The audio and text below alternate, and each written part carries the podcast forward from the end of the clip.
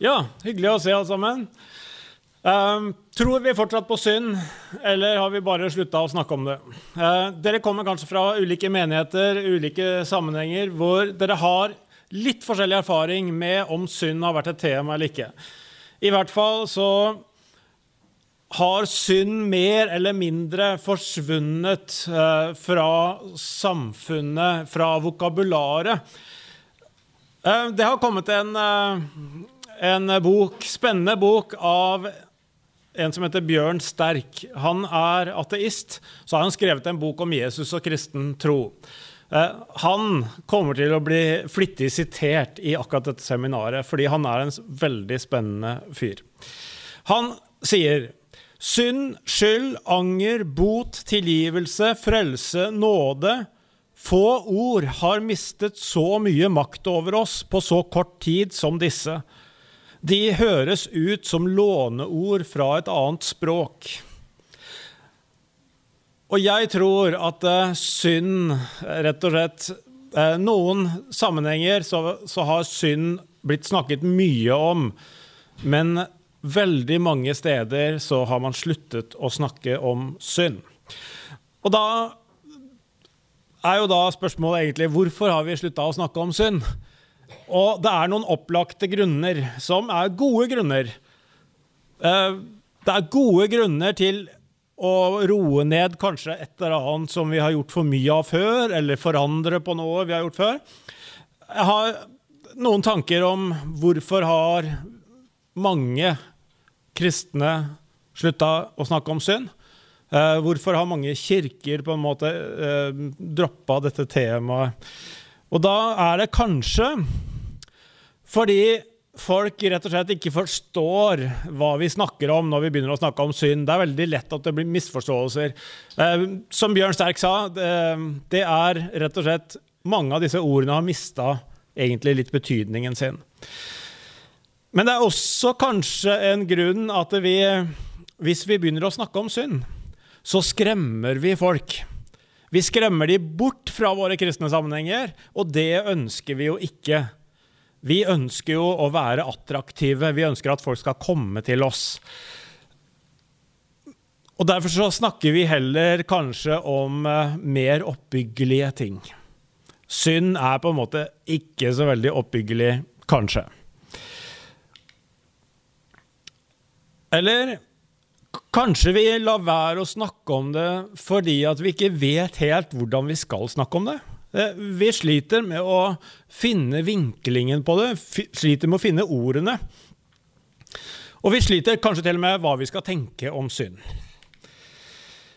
Vi har etter hvert mange dårlige erfaringer. Og når jeg snakker vi nå, så snakker jeg på en måte liksom kristenheten og, og kirka og liksom det store fellesskapet. Vi, vi, har rett og slett gjort mange dårlige erfaringer med å snakke om synd. Um, og det kan jo også være at vi En del av oss kanskje har slutta å tro på synd. At det, synd rett og slett Nei, det er ikke noe uh, som har uh, det, det, er ikke noe vi ønsker å legge vekt på. Det er heller ikke noe som betyr noen ting. Jeg ønsker å, i dette seminaret, da, eh, et kortseminar, eh, å ta egentlig altså gjøre et slag for at vi skal snakke om synd. Men også prøve å se eh, hvordan skal vi snakke om det, eventuelt for at det skal bli en bra greie.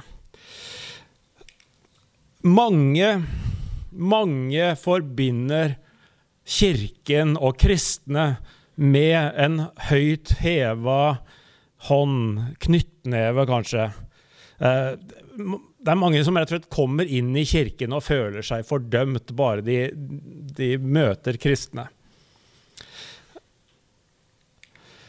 I samfunnet ellers så tenker man jo sånn at sterke mennesker dytter ikke andre ned, men de løfter dem opp. Dette er, fra, fra Ole Brumm. Altså, sterke mennesker løfter jo folk opp og ikke dytter ned. Ja, kanskje det er grunnen eh, til at vi liksom dropper mye synd, da. For det, det, gir jo mening. Vi ønsker jo å bygge folk opp i stedet. Men så ser vi fra en ja, anonym person på VG Debatt Synsbegrepet er noe religiøse mennesker bruker for å skremme, true eller stemple andre mennesker.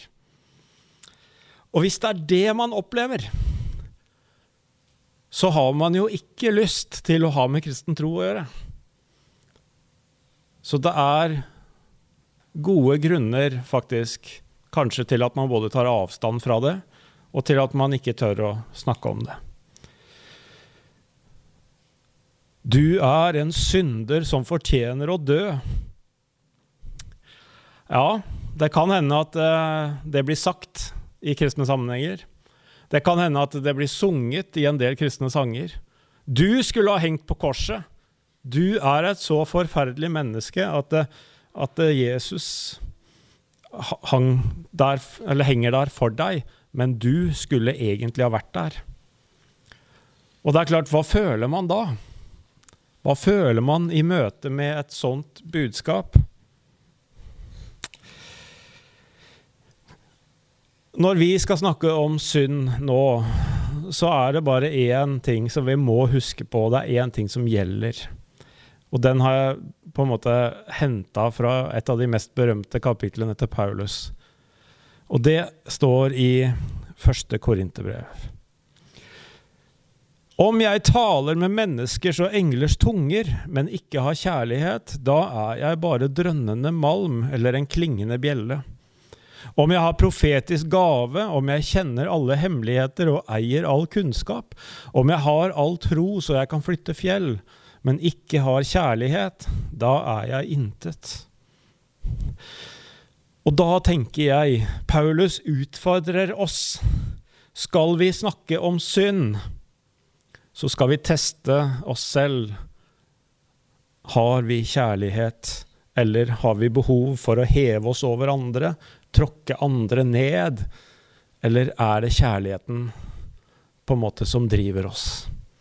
Det hjelper ikke om vi sier alt riktig teologisk, hvis folk får en følelse av at eh, vi krymper de når de kommer i vår nærhet. Dette er et viktig anliggende i kristen formidling. Vi skal se litt på historien. Eh, og kanskje historien kan vise noe av grunnen til at vi har sluttet å snakke, eller mange har sluttet. Jeg tror kanskje foreldregenerasjonen deres er de første som sluttet å snakke om synd. Kanskje med god grunn.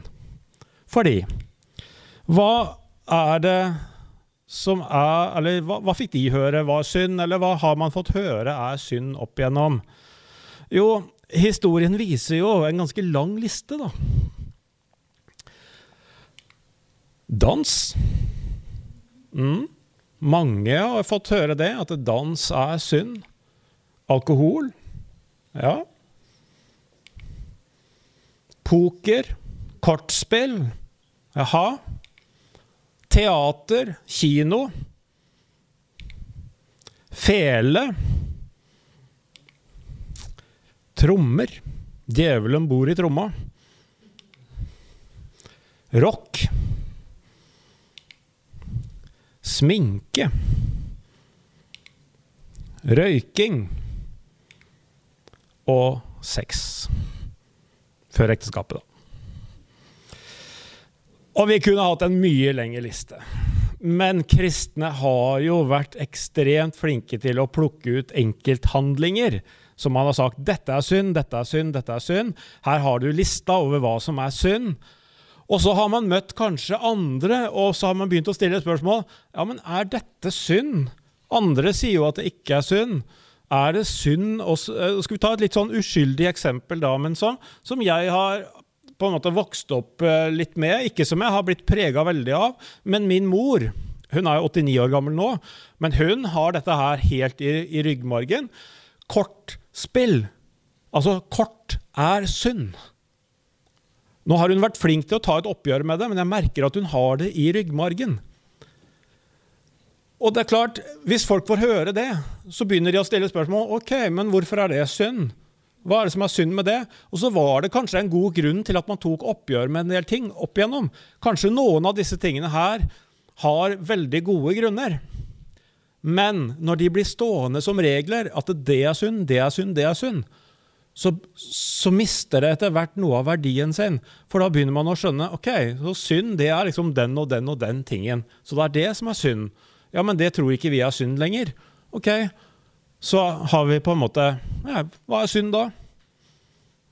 Og så blir man sittende igjen med et inntrykk, og det kan man få høre ganske mange steder i, i ulike former, nemlig at Kirken stemper alt som er moro, som synd. Jeg aner ikke eh, hvilket forhold dere har til dette klesmerket, men uh, If you obey all the rules, you miss all the fun, so be sinner. Hvis du holder alle reglene, så går du glipp av all moroa. Så vær heller en synder. Og jeg skulle tro at selv om mange av disse gamle reglene ikke lenger repeteres, så har det blitt bevart et inntrykk av at Kirken og kristne stempler all moro som synd. Og da er jo klart Det er ikke noe særlig attraktivt. Og det er ikke noe Og man skjønner ikke heller meningen med det.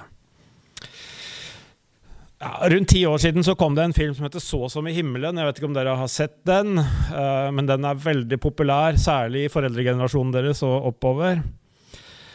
I 'Så som i himmelen' så er det et uh, kirkekor som uh, har fest, og dette er prestekona vi ser her, som danser. Hun har drukket litt, og så danser hun og har det ordentlig moro. Hun har en fantastisk hyggelig natt. Så kommer hun hjem til mannen sin, presten, og så sier han Du er en synder, eller du har syndet. Og så blir det et lite oppgjør her, hvor hun sier blant annet Det fins ingen synd. Det er bare Kirken som har funnet på dette med synd, og har på en måte skamlagt mange av de tingene som er bra. Det fins ingen synd. Så blir dette egentlig litt av budskapet i denne filmen. Det fins ingen synd. Problemet i den samme filmen er at vi ser et annet par hvor mannen slår og mishandler sin kone hele tiden. Og da er spørsmålet til prestekona Du sier at det ikke fins noen synd. Og det kan hende det ikke var synd, det du gjorde. Men hvis du på en måte sier det fins ingen synd, hva skal vi kalle det da som skjer i den andre familien hvor mannen slår kona si? Hva skal vi kalle det? Fins det ingen synd? Jeg viser bildet her fra Vietnamkrigen, napalmbomber. Sultkatastrofer som vi vet ikke har noe med tørke å gjøre, fordi det, det har alltid med Altså, vi har mat nok. Vi har alltid ressurser nok i denne verden. Det er bare at vi ikke gjør det. Hat, nazisme, Og det begynner allerede når vi er små, og vi krangler og vi slår hverandre, vi skader hverandre. Fins det ikke synd? Hva skal vi da kalle alle de onde handlingene vi gjør, hvis det ikke fins synd? Vi ønsker, mange av oss ønsker, å trekke en strek mellom oss selv og andre. Og forskjellen på det, det, som er på den ene siden streken og det som er på den andre siden streken, er at eh, jeg setter en grense eh, rundt meg, og så sier jeg jeg er i hvert fall ikke så ille som de. De andre er mer syndige enn meg, hvis vi skal snakke om det. Vi ønsker på en måte å ikke identifisere oss med uh, de som gjør sånne gale ting. Det er et naturlig trekk hos oss. Helt naturlig at vi gjør det. Men dette er ikke eneste reaksjonen. Her har jeg forestilt meg Kanskje det kunne være i denne forsamlingen sju ulike reaksjoner her idet vi begynner å snakke om synd. Hva kan skje når vi snakker om synd? Person A har alltid hatt følelsen av at hun gjør noe galt. Så hun lar seg automatisk trykke enda lenger ned i stolen når hun hører om synd. Hun er helt overbevist om at hun er en synder. Og hvis korset til Jesus hadde vært ledig, så hadde hun gått opp dit og hengt seg selv på det korset, fordi hun er Ja, ja, jeg er synder. Bare si det. Pøs på. Jeg har det alt sammen. Jeg er et ille, dårlig menneske. Person B har alltid fått høre at han er helt unik og elsket uansett, så han skjønner ikke problemet, for Gud er jo bare kjærlighet. Synd Nei, Gud er jo ikke opptatt av sånn. Gud er bare glad i meg, han elsker meg. Altså, vi trenger jo ikke snakke om dette her. Vi snakker bare om kjærlighet, dere. Person C har gjort noe galt som han angrer på, og han lengter etter å høre er det tilgivelse å få hos Gud. Samtidig så føler han at det andre i salen av kristne fordømmer han for det han har gjort. Person D kan ikke komme på at hun har gjort noe særlig galt, men hun vet at det har gjort noe galt. Så hun håper at den forkynnelsen virkelig treffer det så han føler skikkelig på anger. Person E er full av skamfølelse av å være den han er. Synsforkynnelsen treffer han, og han føler at alt ved han er feil. Når han hører at det blir snakket om synd, så tenker han ja, jeg er feil. Jeg er et dårlig dårlig, dårlig menneske. Jeg skammer meg over å være meg. Person F føler seg ikke som noen stor synder. Sammenligner seg med andre og finner ut at hun er i hvert fall ikke noe verre enn de andre. Og person G blir mishandlet av mannen sin, og hun lurer på om Gud ser på henne som en like stor synder som mannen. Er Gud så urettferdig? Og vi kunne ha sikkert lagd en mye lengre liste. Med andre ord, idet vi begynner å snakke om synd, så skjer det så mye rundt i, i hodene til de som hører. Fordi vi har forskjellige opplevelser. Og det gjør at det er vanskelig. Tre viktige poeng når vi skal snakke om synd her. Hvis vi først og fremst fokuserer på menneskene som syndere, så går vi glipp av hva mennesket er for noen ting. Hvis vi først og fremst fokuserer på at mennesker er syndere, som jeg tror mange kristne har gjort opp igjennom, så går vi glipp av hva mennesket er for noen ting. På den annen siden, hvis vi lar være å fokusere på at mennesker er syndere, så tar vi verken Gud eller mennesker på alvor. Rett og slett. Hvis vi lar være å snakke om det, og lar være å si og peke på problemet med synd, så tar vi jo ikke hverandre på alvor. Vi tar ikke Gud på alvor, vi tar ikke oss selv på alvor. Hvis vi først og fremst dette er punkt tre, hvis vi først og fremst fokuserer på synd som moralske handlinger, går vi glipp av hva synd egentlig er. Og når jeg ramsa opp den lista i stad, så var det handlinger. Og så tenker vi er det synd, er det synd, er det synd? Og så får vi på en måte et inntrykk av at synd først og fremst er å unngå å gjøre visse handlinger som vi opplever som syndige. Men hvis vi fokuserer bare på disse handlingene, så går vi glipp av noe helt sentralt når det gjelder synd. Når jeg skal, står her, så har jeg behov for å rett og slett si Jeg er et menneske, og intet menneskelig er meg fremmed. Dette er ikke fra Bibelen, men det er fra en romersk forfatter. Og det betyr Når mennesker gjør gale ting, så tenker jeg veldig ofte OK, jeg har ikke gjort det. Men jeg kunne ha gjort det. Jeg kjenner igjen. Jeg vet at det kanskje i Kanskje jeg også kunne i gitte situasjoner ha blitt sånn eller gjort det. I hvert fall så kjenner jeg igjen lysten eh, til det onde av og til. Og jeg kjenner igjen at det, vi er mennesker alle sammen.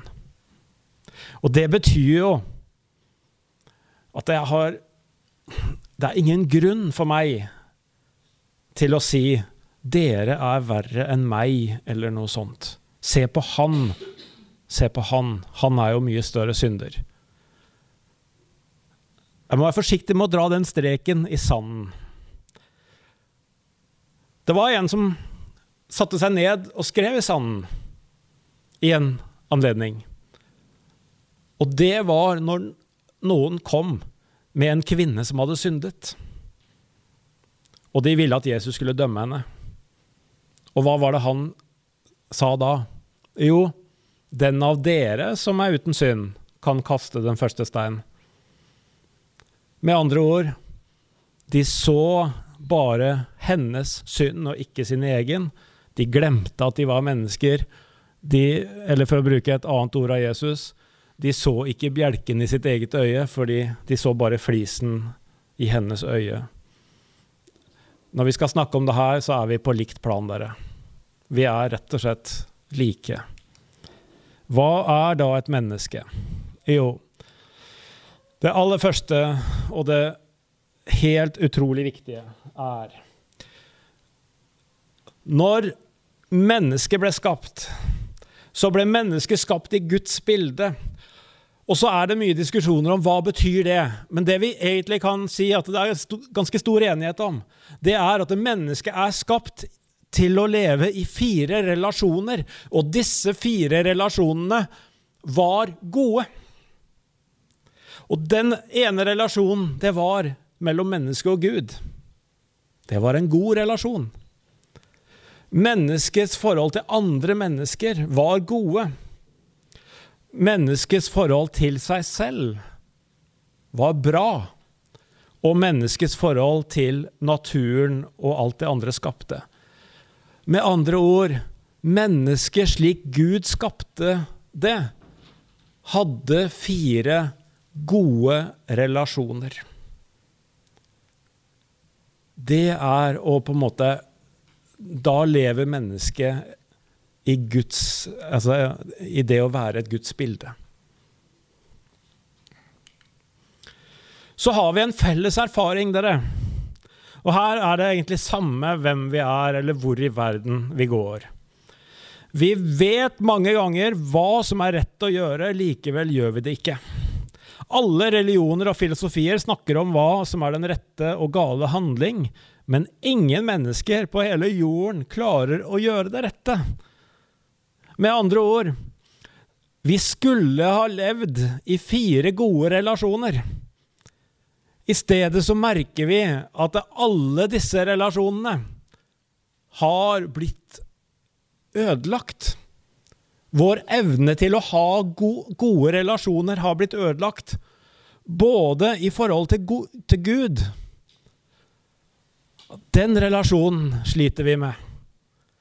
Og relasjonen til andre mennesker, ja, det trenger vi ikke å stille spørsmål Det er bare å kikke litt rundt på nyhetene. Og relasjon til oss selv. Det er så interessant at noe av det første som skjer i syndefallsberetningen, er at et menneske begynner å skamme seg over seg selv. Begynner å dekke seg til. Med andre ord, relasjonen til oss selv ble også ødelagt. Også relasjonen til skaperverket. Det som vi fikk beskjed om å forvalte som gartnere. Av hva er det vi har gjort? Ja, vi har kokt kloden vår. Alle disse fire relasjonene sliter vi med å få til. Det er det som er synd. Det er det som er synden. Og så handler vi visse handlinger ut fra at disse relasjonene er kompliserte, disse får vi ikke til. Så gjør vi dumme ting av den grunn. Jesus har en samtale med fariseerne om hva er det viktigste budene, hva er det vi skal holde? Og så gjør Jesus det litt sånn enkelt for oss.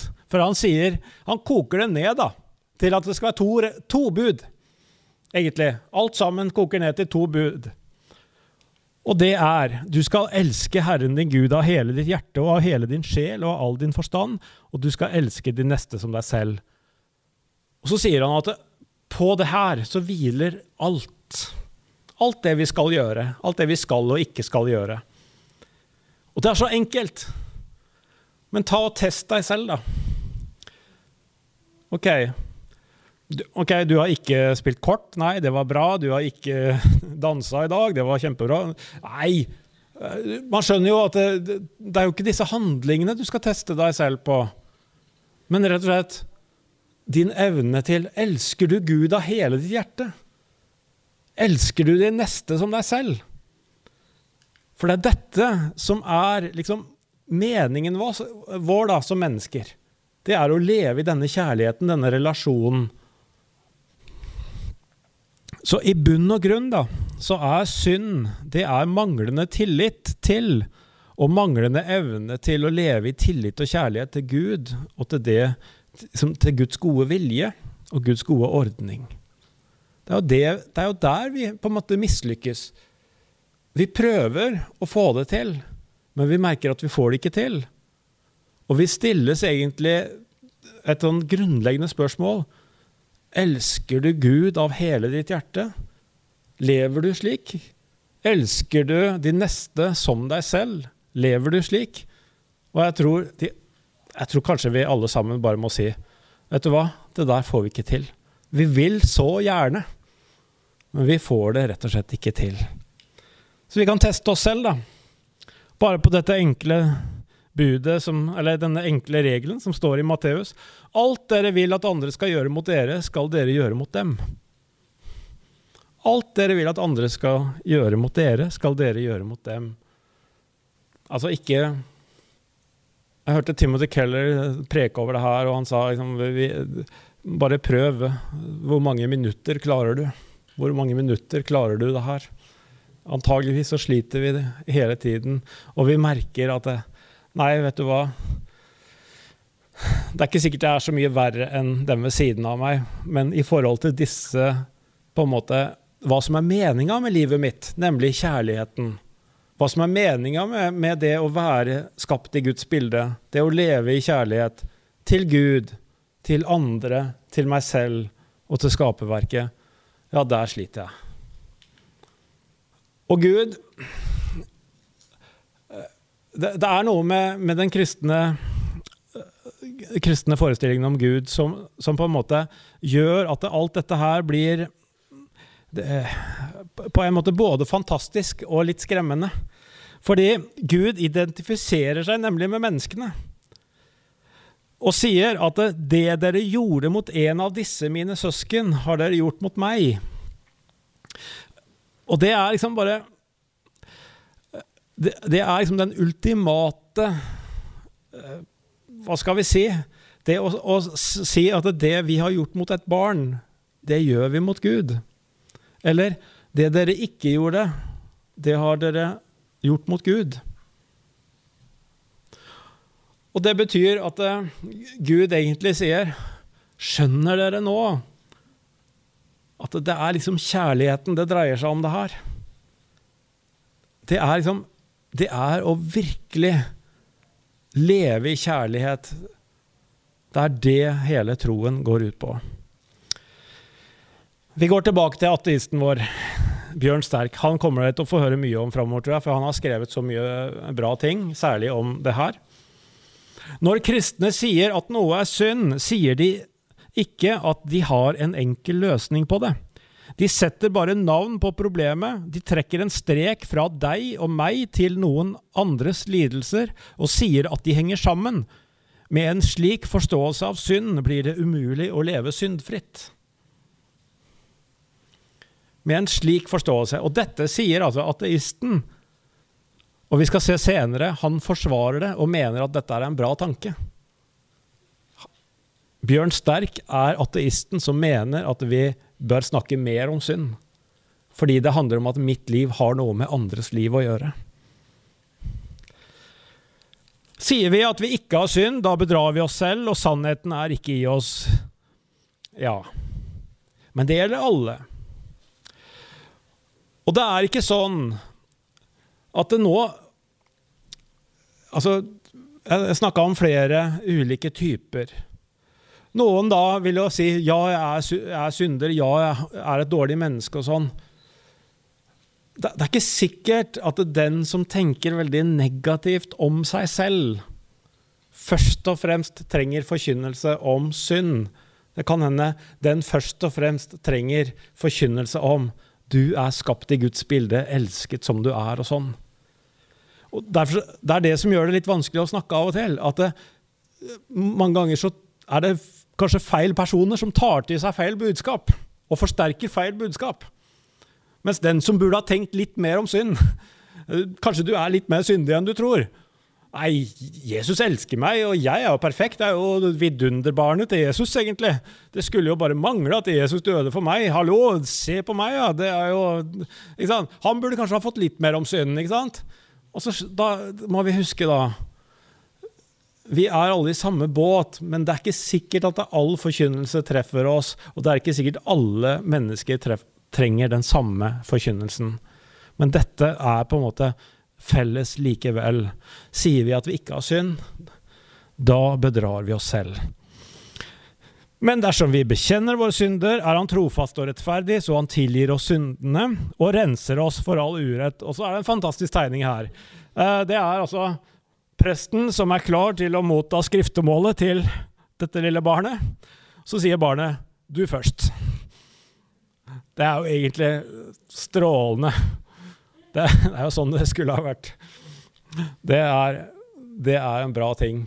Presten har vel kanskje mer å, å si.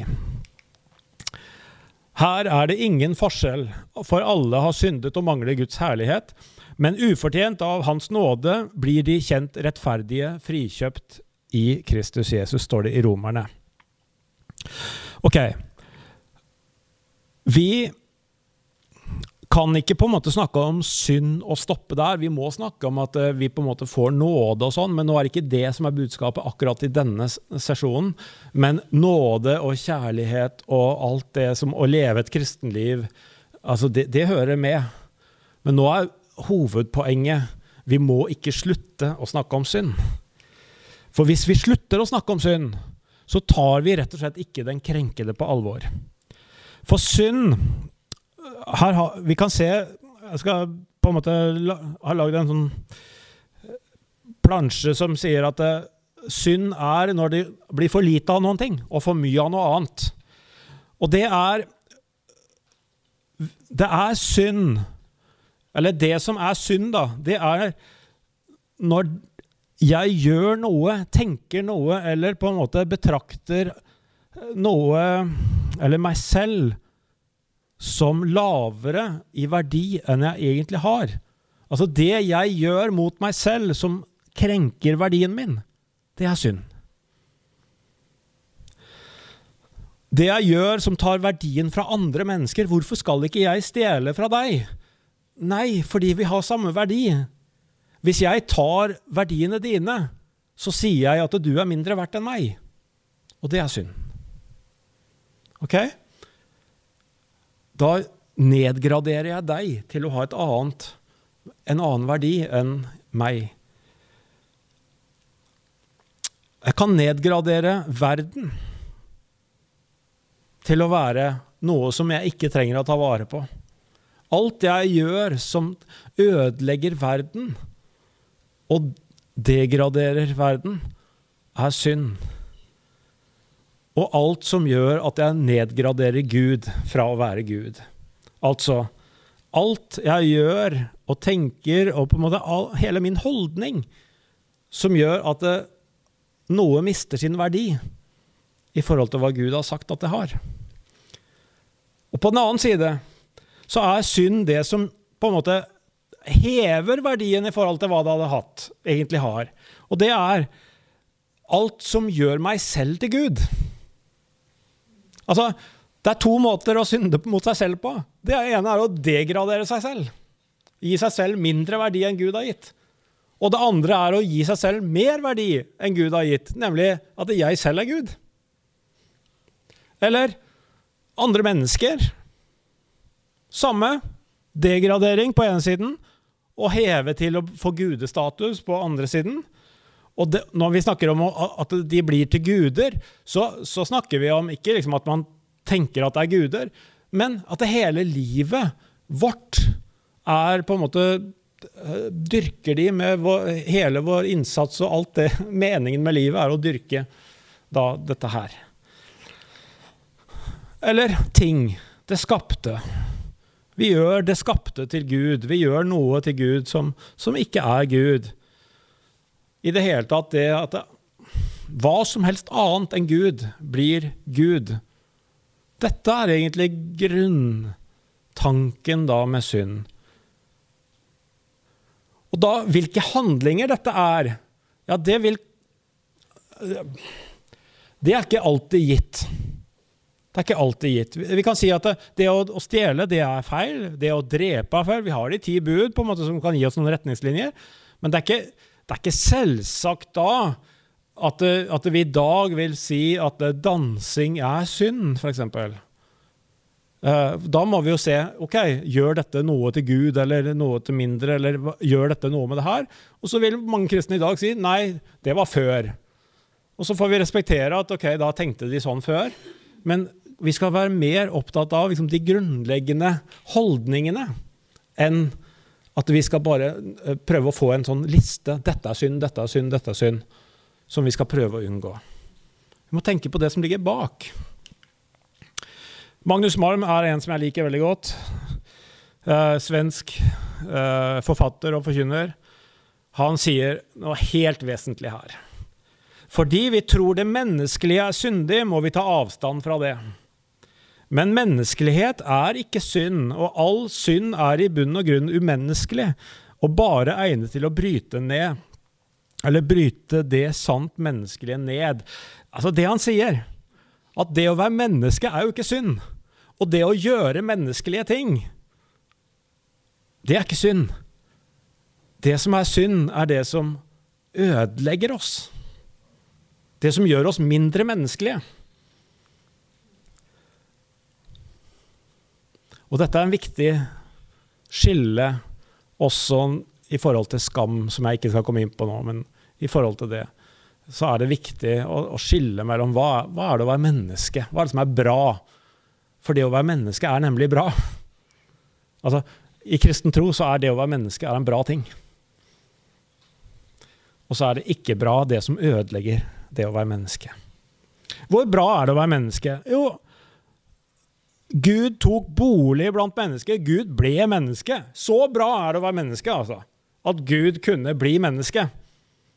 Ok?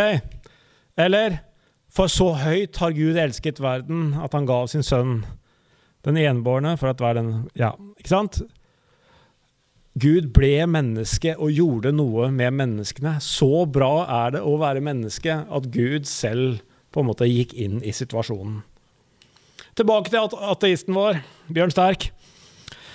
Synd og frelse er støpsel og stikkontakt. Det ene medfører behovet for det andre. Men vi som ikke lenger er kristne Han har vokst opp i et kristent hjem og er ikke kristen. Uh, har gjort noe underlig. Vi som ikke lenger er kristne, har gjort noe underlig. Vi har forkastet den kristne frelsen, men beholdt synden. Vi postkristne har synd uten frelse, synd uten tilgivelse, synd uten nåde. Det må det bli trøbbel av. Og, da, og, han er helt ærlig på det her. Han ønsker at vi skal kalle det synd. Og på en måte vi, Altså, synd er Det er det vi holder på med. Det er bare at du som ateist så har han ingen frelse. Det fins ingen tilgivelse for det her. Og det blir bare trøbbel av det. Og dette er jo da det moderne menneskets problem, egentlig. At man pådrar seg synd og skyld uten å ha en løsning på det. Mens det kristne svaret er jo at synden er noe vi kan gjøre opp. Vi nærmer oss slutten. Straks ferdig. Av og til så får jeg inntrykk av at kristne er litt sånn Hvis du spiller en feil en gang til, så slår jeg deg. Med andre ord, man lever sitt kristenliv som om det først og fremst handla om å ikke gjøre feil. En musiker som bare er opptatt av å spille stykket sitt uten å gjøre feil, kan godt spille et feilfritt stykke, men musikk blir det ikke. Og sånn kan kristne også leve sitt liv med bare fokus på å ikke gjøre feil. Det er ikke sikkert det blir et liv av det. Og det har noe med litt fokus å gjøre. Skal rett og slett bare sitere en 1800-talls pietist, Rosenius. Oi, oi, oi. Uh, hva kan han ha å si til moderne mennesker? Jo, han, uh, han sier noe til kristne. Til kristne som trodde at uh, når de ble kristne, så var de ferdige med å synde. Og liksom, de blir litt overraska over at synden på en måte, ja, den sitter visst ganske dypt. Så sier han Mener du at en oppriktig kristen aldri behøver å kjenne sin onde natur, aldri ha noen fristelser å kjempe mot, og aldri oppleve sin svakhet, men alltid være sterk og hellig? Det stemmer dårlig med den erfaring som troende mennesker opp gjennom tidene har gjort. Det er faktisk et moderne bilde som kristne går med, at vi på en måte skal ikke slite med at vi gjør dumme ting at det naturlige er at du ikke skal på en måte klare, altså at du skal på en måte klare å leve nesten perfekt. Erfaringen viser at de sterkeste kan bli de svakeste, de kan fanges av synden, de kan bli overrumplet og falle, de kan få fristelser og slåss med livet igjennom og føle seg som treller under dem, men samtidig er de like troende oppriktige som før. De er like benådede og rettferdige for Gud, Kraften er avhengig av Gud, og det er Han som avgjør hvor mye man skal få. Og vi tar et langt sitat til. Beklager at det ble sånne lange sitater. Alle troende må altså slepe på den jernlenke som heter 'dette legemet som er viet døden', og på alt det som er det som det fører med seg av synd og svakhet, likegyldighet og tvil, forsømmelse og treghet. Dette må alle leve med. Dessuten har hver og en sin byrde å bære, sin spesielle svakhet eller fristelse. Én har et heftig og vanskelig humør som koster ham mye kamp og skaffer ham mye besvær. En annen har et så utpreget anlegg for gjerrighet at de timelige bekymringene, altså bekymringene for hverdagstingene, aldri unner ham noen ro. En tredje har sin fristelse på det erotiske området. En fjerde har sine tvil å kjempe med osv. I tillegg kommer det at forholdene i hjemmet vårt eller mennesker vi får med å gjøre, kan få oss til å kjenne enda mer på det onde som bor i oss.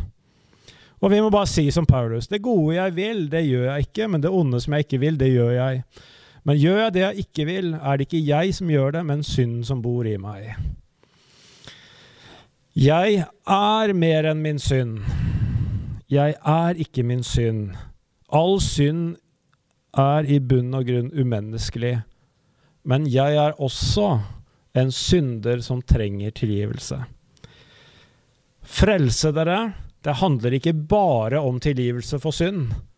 Det handler også om nyskapelse, oppreisning og ny relasjon.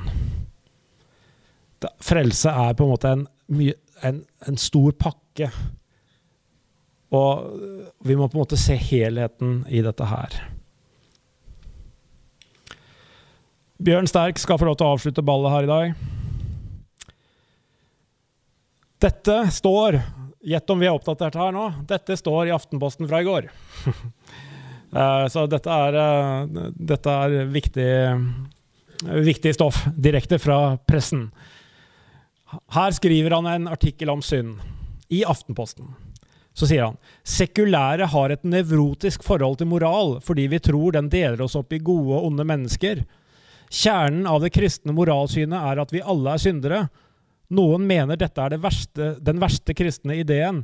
Jeg mener det er den beste, sier ateisten Bjørn Sterk. Og så må han slite videre med hva skal han gjøre med synd og skyld og det. Mens jeg tror vi med stor frimodighet skal si ja, vi er syndere, vi trenger tilgivelse, og alt er gjort ferdig. Alt er tilgitt. Jesus døde for våre synder, osv. Og, så videre, og så kommer hele den pakka der som dere har hørt mange ganger. I kjærlighetens navn må vi ikke slutte å snakke om synd, fordi det krenker oss, det krenker andre mennesker, det krenker Gud, og det krenker naturen. Amen.